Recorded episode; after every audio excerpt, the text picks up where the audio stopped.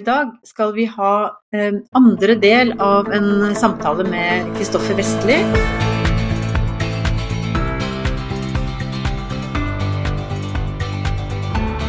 i Miljødirektoratet i Norge, men som nå er utlånt til EU-kommisjonen i, i Brussel. Denne episoden skal særlig handle om eh, FNs plastavtale, som EU-kommisjonen eh, e eh, har et aktivt arbeid med. Mm. Du jobber jo i den globale seksjonen, og har jobbet særlig med den nye plastavtalen, som, som jo er et, en, en, ny FN-avtale FN mot eh, plastforurensning. Så, du kom akkurat hjem fra, fra, Uruguay, hvor det første forhandlingsmøtet om denne avtalen eh, har, funnet sted.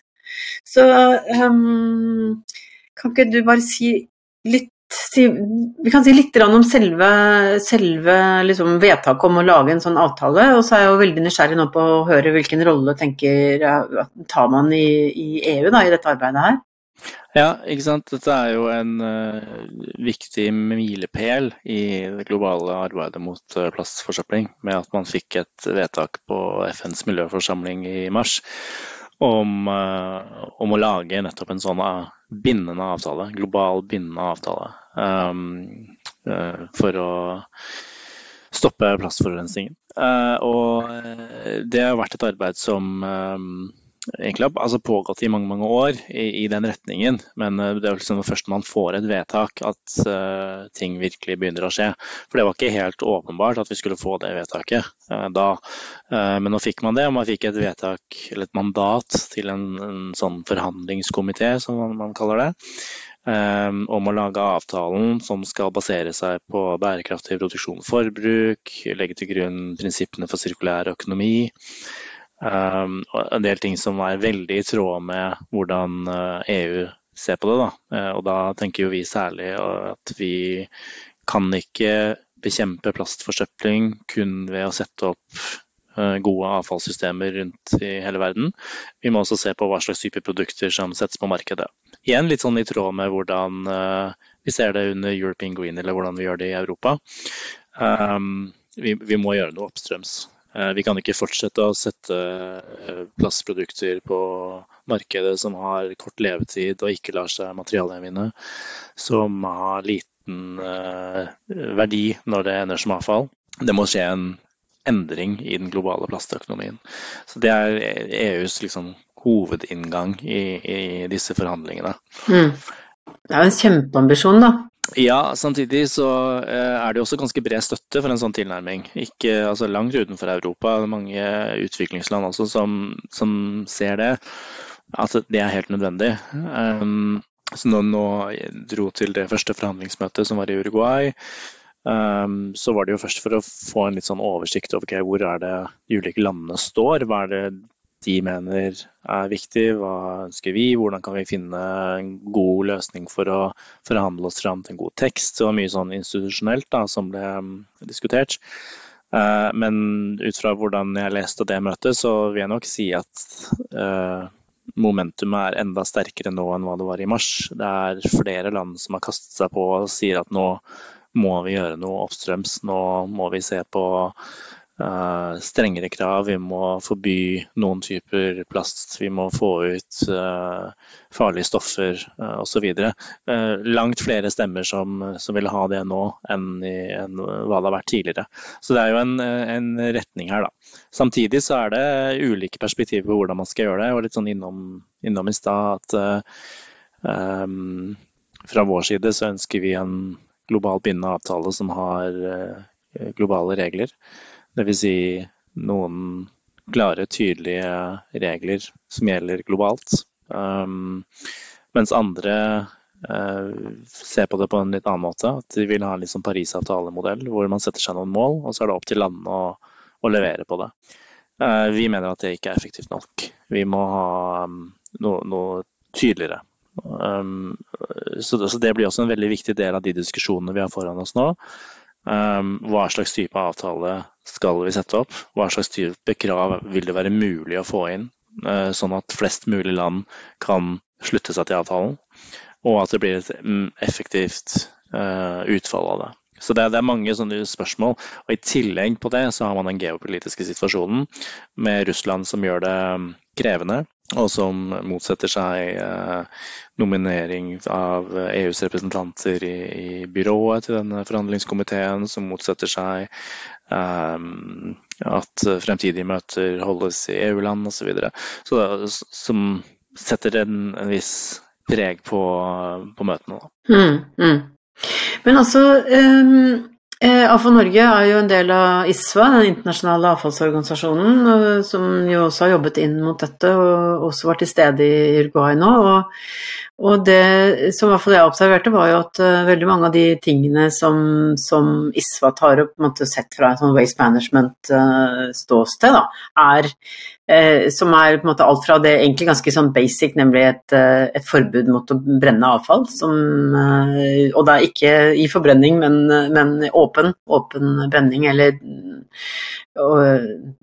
fyllinger, altså ukontrollerte fyllinger osv., som er helt basic, eh, helt nødvendig. Men til mer ambisiøse mål knytta opp mot, eh, mot sirkulær økonomi osv. Altså, jeg opplevde at uh, det var veldig mange uh, som, som sto på de samme prinsippene.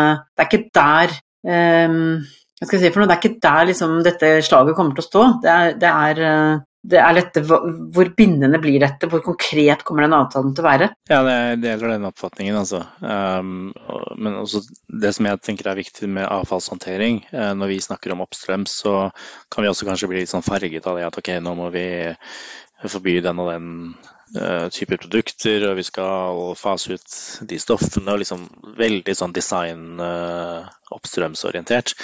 Uh, så er det kjempeviktig også å anerkjenne at det finnes mye eksisterende plastforurensning. Eh, det er plastforurensning som ja, altså selv under, under forhandlingene og under implementeringen av avtalen, så vil det skje plastforurensning. Eh, og det betyr at det som skjer nedstrøms også er ekstremt viktig. Eh, og, særlig mange av de, de små øystatene som er hardt rammet av plastforurensning. De sier klart og tydelig vi er mottakere av deres Eh, forbruk. Eh, vi ønsker at eh, denne avtalen dekker den delen også. Det betyr at vi må finne en god balanse. For det er helt avgjørende at selv om opprydning og håndtering av eksisterende plastavfall både marint og på land er veldig kostbart, så kommer vi ikke utenom at den avtalen også må, må dekke det. Hvordan det skal gjøres, helt, helt, konkret, det er veldig tidlig å si. Men som du sier, om det helt grunnleggende Vi vil ikke ha farlige stoffer inn i plast. Vi vil uh, få slutt på altså open burning. Vi vil ha en god uh, avfallshåndtering. Altså, helt det grunnleggende der er det jo bred enighet om. Men som du sier, hvor bindende skal kravene være? Hvem skal kravene stilles til? Um, hvordan skal man kunne rapportere på det? Hvordan skal man kunne følge det opp? Hvordan skal det finansieres? Alle disse, disse spørsmålene gjør selv de enkle prinsippene litt mer komplekse. Mm, mm. Men det er jo et um, Jeg må jo si, vi har jo diskutert uh, utvidet produsentansvar i, i, Norge fra de første frivillige bransjeavtalene ble innført en gang på 90-tallet. og og nå er spørsmålet klarer man å lage globale regler for eh, et form for produsentansvar som kan være med å, å finansiere dette arbeidet? Er, er det realistisk, tror du? Vi diskuterer dette her i EU, hvordan vi skal forholde oss til produsentansvar under denne avtalen. I utgangspunktet så er vi veldig positive til produsentansvar og sette opp produsentansvarsordninger. Om det skal være en, et krav i avtalen om at land må innføre det, eller om det skal være noen globale prinsipper som er førende for produsentansvar, sånn at man får liksom mer harmonisering, det har vi ikke helt landet ennå. Eh, men at det kommer til å spille en viktig rolle, det tror jeg ikke er noe tvil om. fordi vi ser også at det er mange mange andre land og altså utviklingsland også som sier at ok, la oss sette opp produsentansvarsordninger. Uh, men så er det også viktig å høre på de som sier at um, uh, oppfølgingen av og implementeringen av uh, produsentansvar og regelverk som knytter seg til produsentansvar, er vanskelig og komplisert. Og de har ikke ressursene til å kunne gjennomføre det, så man må ha det veldig basic. Um, så jeg tror her må man kanskje bruke litt tid på å finne noe som, uh, som passer. Og også huske på at det finnes uh, mye bra veiledning også under andre konvensjoner om hvordan man drifter gode produsentansvarsordninger. Så jeg tror uh, det blir en viktig diskusjon, ikke bare i EU, men også i, i, selve forhandlingene om hvordan dette skal løses på en god måte. Mm, mm. Men tror du at man kan få eh, så type globale finansieringsordninger som man har sett eh, knytta til klima f.eks., og at man kan få tenke noe lignende eh, på dette området her? Ja, men der er det ganske eh, store ulikheter i i synet på hvordan det skal gjøres. Om man skal bruke eksisterende finansieringsmekanismer som Jeff, eller om man skal sette opp helt nye. Det er eh, eh Der er det ikke enighet, for å si det sånn. Og der står EU e og andre vestlige land og utviklingsland på helt ulike steder. Så vi får se hvordan det ender. Mm. Men hvordan tror du dette blir liksom i forhold til, uh, i forhold til uh, altså den globale økonomien og um, handelsavtaler og det er, det er liksom, Hvordan skal man klare å forene alle disse hensynene? Ja, Det er også en veldig viktig del av mandatet. At man ikke kan sette opp en avtale uten å se til eksisterende avtaler og mekanismer der ute. Handel er en kjempeviktig del av det. Og handelsavtaler er også et veldig viktig verktøy uh, for å fremme en sirkulær økonomi for plass. Man kan gjøre veldig mye. Uh, stille mange eh, gode krav gjennom handelsavtaler. Og man kan også bruke uh, standarder som gjelder under WTO osv. for å Eh, fremme dette. Da. Og, Derfor er vi også veldig engasjert i de prosessene som går uh, under WTO om plast, hvor det er mange land som er uh, engasjert og ønsker å ja, finne ut litt mer hvordan handelssamfunnet, hvis man kan kalle det, eller denne ja, handelen kan, kan, bidra til eh, å oppnå de målene man ønsker seg under plastavtalen. Det er, men det tenker jeg er kjempeviktig, at man ser til andre prosesser. Du har også de kravene som stilles under Basel-konvensjonen, de er kjempeviktige. Uh, Stockholm-konvensjonen, uh, ja, mange andre også. Regionalt samarbeid uh, på marin forsøpling. som man ikke må lukke øynene for, men må man se hvordan dette kan harmonere med, med, hva slags krav som vil være mulig å stille i en global avtale. Mm, mm. Norge har eh, vært en eh, pådriver, vil jeg si. Det er jo sikkert mange som har sett bilde av Espen Barth Eide, vår nåværende klima- og miljøminister, i det, det vedtaket ble gjort på FNs miljøforsamling i mars. Men, eh, men, Norge sammen med Rwanda tok eh, initiativet til en, eh, en høyambisjonskoalisjon, er vel det riktige navnet som også EU er med i nå. Den har etter hvert fått mange land med, den, med, med høye ambisjoner om en ambisiøs avtale. Ja, absolutt. Det er all honnør til Norge og Rwanda for det så bygger jo dette på et mangeårig samarbeid mellom mange av de landene som er med. Også før FNs miljøforsamling tok uh, avgjørelsen, så var det mange land som samarbeidet om uh, forslaget til en resolusjon. Um, så det var sant, Utgangspunktet for en sånn koalisjon var egentlig veldig greit, fordi um, du hadde en gruppe med likesinnede land som har relativt likt ambisjonsnivå, og som ønsker framdrift. Så, um, som da går liksom mange år tilbake i tid. Så da uh, kunne man bygge på det momentumet som man fikk under FNs miljøforsamling. Um, kunne bygge på eksisterende samarbeid mellom land. Så kunne man lage en koalisjon som gikk med på nå innholdet i avtalen. Og Det syns jeg var et veldig viktig og bra steg. Uh, så man ser man jo også at man får en del andre land inn i denne koalisjonen som man ikke hadde med, uh, med tidligere. Um, så det, det, er veldig bra. Sånn Australia er et eksempel. Um, Canada er jo med. Så, så, du har jo en del store, viktige aktører inn her. Mm, altså alle, alle verdensdeler er, er representert, stemmer mm, ikke det? Det stemmer. Mm.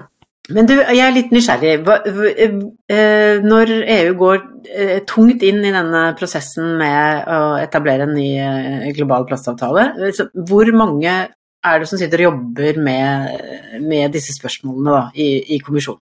Ja, I kommisjonen er det, ja, det er litt, litt, vanskelig å svare på. Men vi har ett team uh, som består av uh, meg selv og fire andre som jobber med dette. Ikke bare dette, vi jobber med mange andre ting også. Men vi jobber med da um, eh, forslag til posisjoner, vi jobber med praktiske møteforberedelser.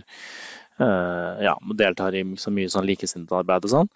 Og så jobber vi jo tett opp mot formannskapet og medlemslandene. Eh, opp mot møtene når man skal lage EUs posisjoner. Um, for vi, sånn som nå, når vi går inn i et møte da med med eller i Uruguay for, for, det første forhandlingsmøtet, så er det jo en del ting som er på agendaen. Man skal diskutere liksom, første synspunkter på um, hva slags mål avtalen skal ha, hva, slags, hva er hovedelementene avtalen bør bestå av. Um, hvordan skal man engasjere seg med næringslivet? Det er mange sånne temaer som skal på bordet. Og da må vi lage EU-posisjoner opp mot hver og en av de temaene. Og da er det liksom formannskap og kommisjonen jobber litt sånn tett sammen med å skrive et utgangspunkt. Og så har man diskusjoner med medlemslandene. Um, så gir alle medlemslandene som vil det, innspill. Og så nei, vi kan ikke mene det, vi må ha mye sterkere på produksjon. Og nei, men vi må ha med litt sånn legacy plastic. Og ikke sant? Så har man liksom forhandlinger da, med, med medlemslandene. Uh, og så kommer man til slutt fram til en Eh, endelig posisjon, som er da utgangspunktet for hva EU mener i, i møtet. Mm, mm.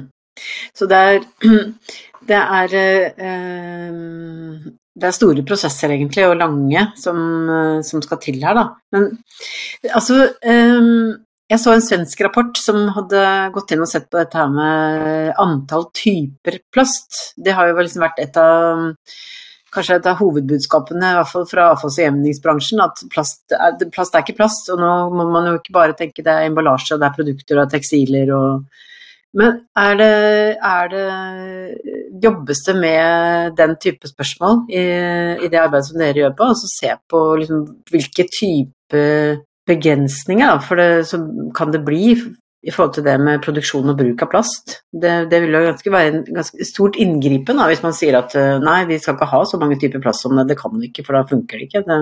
Mm.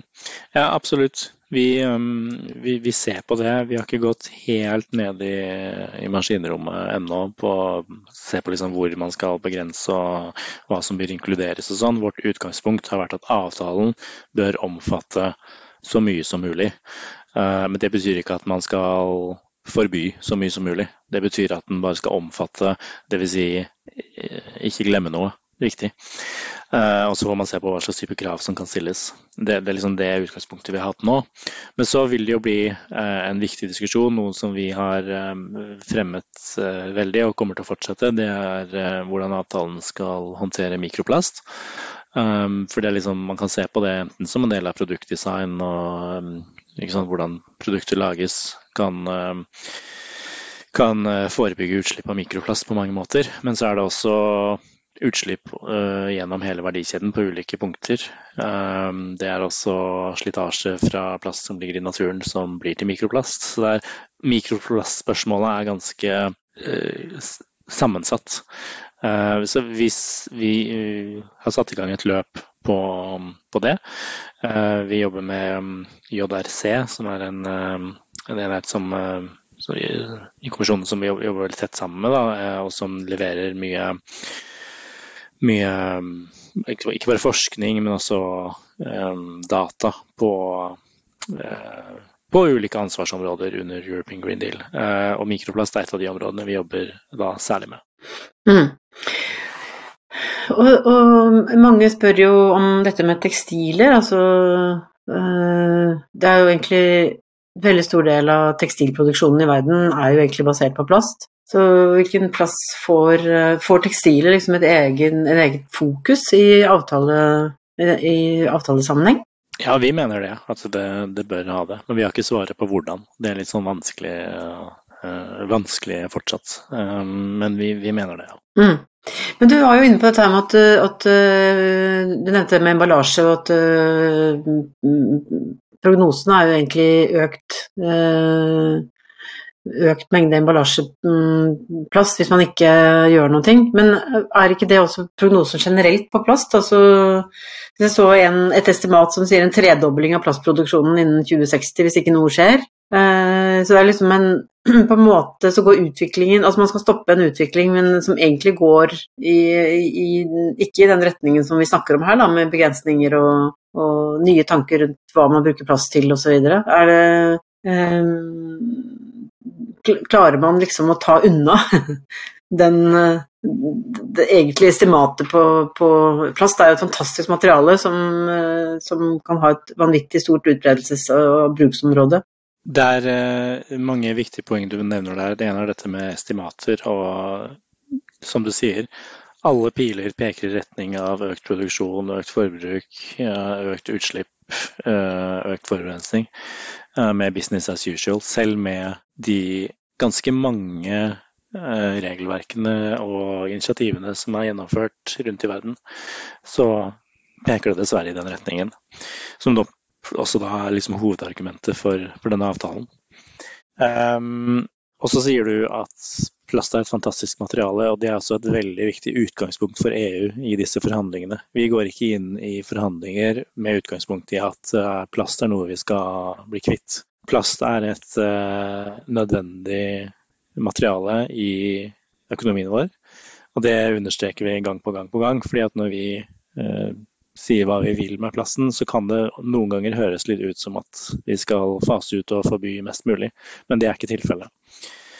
Eh, så det kommer egentlig litt sånn også inn på da spørsmålet om så mange organisasjoner er veldig opptatt av. Eh, bør denne avtalen inneholde såkalte production caps, altså øvre grenser for plastproduksjon på ulike måter? Det er et veldig vanskelig spørsmål, og, eh, og man kan, som også mange i næringslivet har påpekt, man kan oppnå en reduksjon i forbruket uten å sette et cap. Man kan uh, oppnå en reduksjon i uh, produksjonen uten å sette et cap. Man kan gjøre det på mange ulike måter. Man kan forby visse typer liksom, engangsplast, man kan fremme alternative materialer, man kan uh, fremme økt bruk av sekundære råvarer. Uh, bruke insentiver, krav på den måten, um, som vil gi det samme resultatet, vil jo mange si. Men så er det også andre som sier at nei, det er ikke nok. Uh, man må sette klare grenser. Men da er jo så da spørsmålet hvor, hvor skal den grensen gå, hva skal det gjelde for, hvordan skal den innrettes. Um, skal det være globalt, eller eh, skal det være knyttet mot visse næringer? Det er, det er ganske komplisert, eh, det der. Men vi har, altså EU har en klar posisjon på at denne avtalen um, bør um, gi en reduksjon i både produksjon og, um, og forbruk av, av plast. Uten at vi har spesifisert klart og tydelig hvordan det bør gjøres, så ligger det nok i, i kortene at vi, vi ser på liksom et bredt sett med virkemidler som gir det resultatet, fremfor å sette et, en, en, klar production cap. Uh, men det får vi se da, hva, hva vi lander på når, når den diskusjonen kommer opp. Ja. Uh, det er jo et tidsperspektiv her. Uh, man har jo satt seg en veldig vil jeg si, krevende ambisjon om å klare å sluttforhandle dette i løpet av 2024, med early 2025.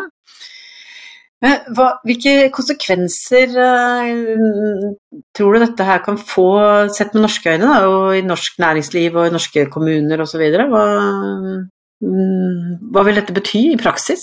Jeg tenker først og fremst at det vil bety uh, mer for uh, land og regioner utenfor Europa, i hvert fall i første omgang. Uh, men en sånn klarere harmonisering av hva slags type produkter som vi bruker i økonomien vår, vil kanskje være det viktigste. Og så er det som du sier, ja, det er en stram tidslinje med, med, å konkludere innen slutten av 2024 og tegne, undertegne avtalen i starten av 2025. Det er mye raskere enn hva man gjorde f.eks. med Minamata-konvensjonen, som tok betydelig lengre tid, men som er kanskje et snevrere område, da, som er kvikksølv, eh, som, som, andre vil si. Um, så liksom den, den, langsiktige betydningen er nok liksom en, en sånn forhåpentligvis da, en, en, endring av den globale plastøkonomien i retning av at man har produkter som varer mye mer. Men det er jo en retning som man allerede gjør i EU, så, så hvor, øh, hvor raskt man vil verke det i Norge, det, det er jeg litt sånn usikker på. Um, altså Du var jo inne på i stad at du, du, hadde en, en, åpen dør når det gjelder å informere om på hvilke tidspunkter man kan komme inn med ulike budskap og osv. Um, men på dette, på dette, området her, hva kan, hva kan norsk næringsliv, eller, eller, norske kommuner for den saks skyld, uh, um, gjøre for å brette opp ermene nå og være forberedt på det som kommer? Ja, det er et veldig bra spørsmål. Jeg syns at uh, det gjøres jo veldig mye bra allerede, men vise ok, hva slags erfaringer er det vi har med altså, sorteringsteknologien, hvordan uh, har vi brukt innovasjon for å sant, fremme materialinnvinning? Uh, hvordan har produsentansvarsordningene blitt innretta? Hvordan har selskapene jobba opp mot produsentene? Altså, det er mange sånne gode eksempler, og man har kommet ganske langt i Norge, som man kan Eh, vise fram og være tydelig på også med de gode eh, også med de dårlige erfaringene, hvis man eh, vil det. For det er veldig viktig å ha alle erfaringer på bordet når man stiller krav også over nasjonalt nivå. Da. Så her tenker jeg at liksom, man kan se gjennom hele verdikjedene på hvilke erfaringer man har gjort seg gjennom mange år med ulike typer regelverk, både frivillige avtaler og strengere forskriftsfesta krav. Så tror jeg man har mye å bidra med fra norsk side. Mm -hmm. Ja, så bra. Så vi nærmer oss slutten på, på, på, denne, på denne, samtalen. Så hva, hva, hva, ser du mest frem til i, i, den tiden du har igjen i, i, i Brussel? Ja, Det er vanskelig å si én ting, altså. Men jeg må nok eh, altså selvfølgelig nå er det jo, Det blir jo flere av disse forhandlingsmøtene som blir veldig spennende. Hvor langt man kan komme på, på hvert av disse forhandlingsmøtene. Um, men så syns jeg også det er gøy å få være litt mer med på implementeringen av de ulike initiativene under sirkulær økonomihandlingsplanen. Uh, tekstilstrategien f.eks., som jeg får, være litt med på. Og uh, Eh, bioplast, som eh, du godt er kjent med, altså det går et løp på. Så jeg gleder meg liksom til å bli litt mer kjent med de, de, de, områdene der. Og så er det noen andre også ansvarsområder globalt som jeg um, ikke har vært så mye med på foreløpig, men som, som, blir veldig gøy, da. Det høres ut som du har uh, spennende og innholdsrike dager å se fram til. Så jeg vil bare takke deg for at du um, hadde tid til å komme til AFO Norges podkast. Takk for at jeg fikk komme, veldig hyggelig. Da uh, vil jeg også benytte anledningen til å takke vår produsent Håkon Bratland, og tusen takk til alle dere som har hørt. Vi snakkes. Ha det bra.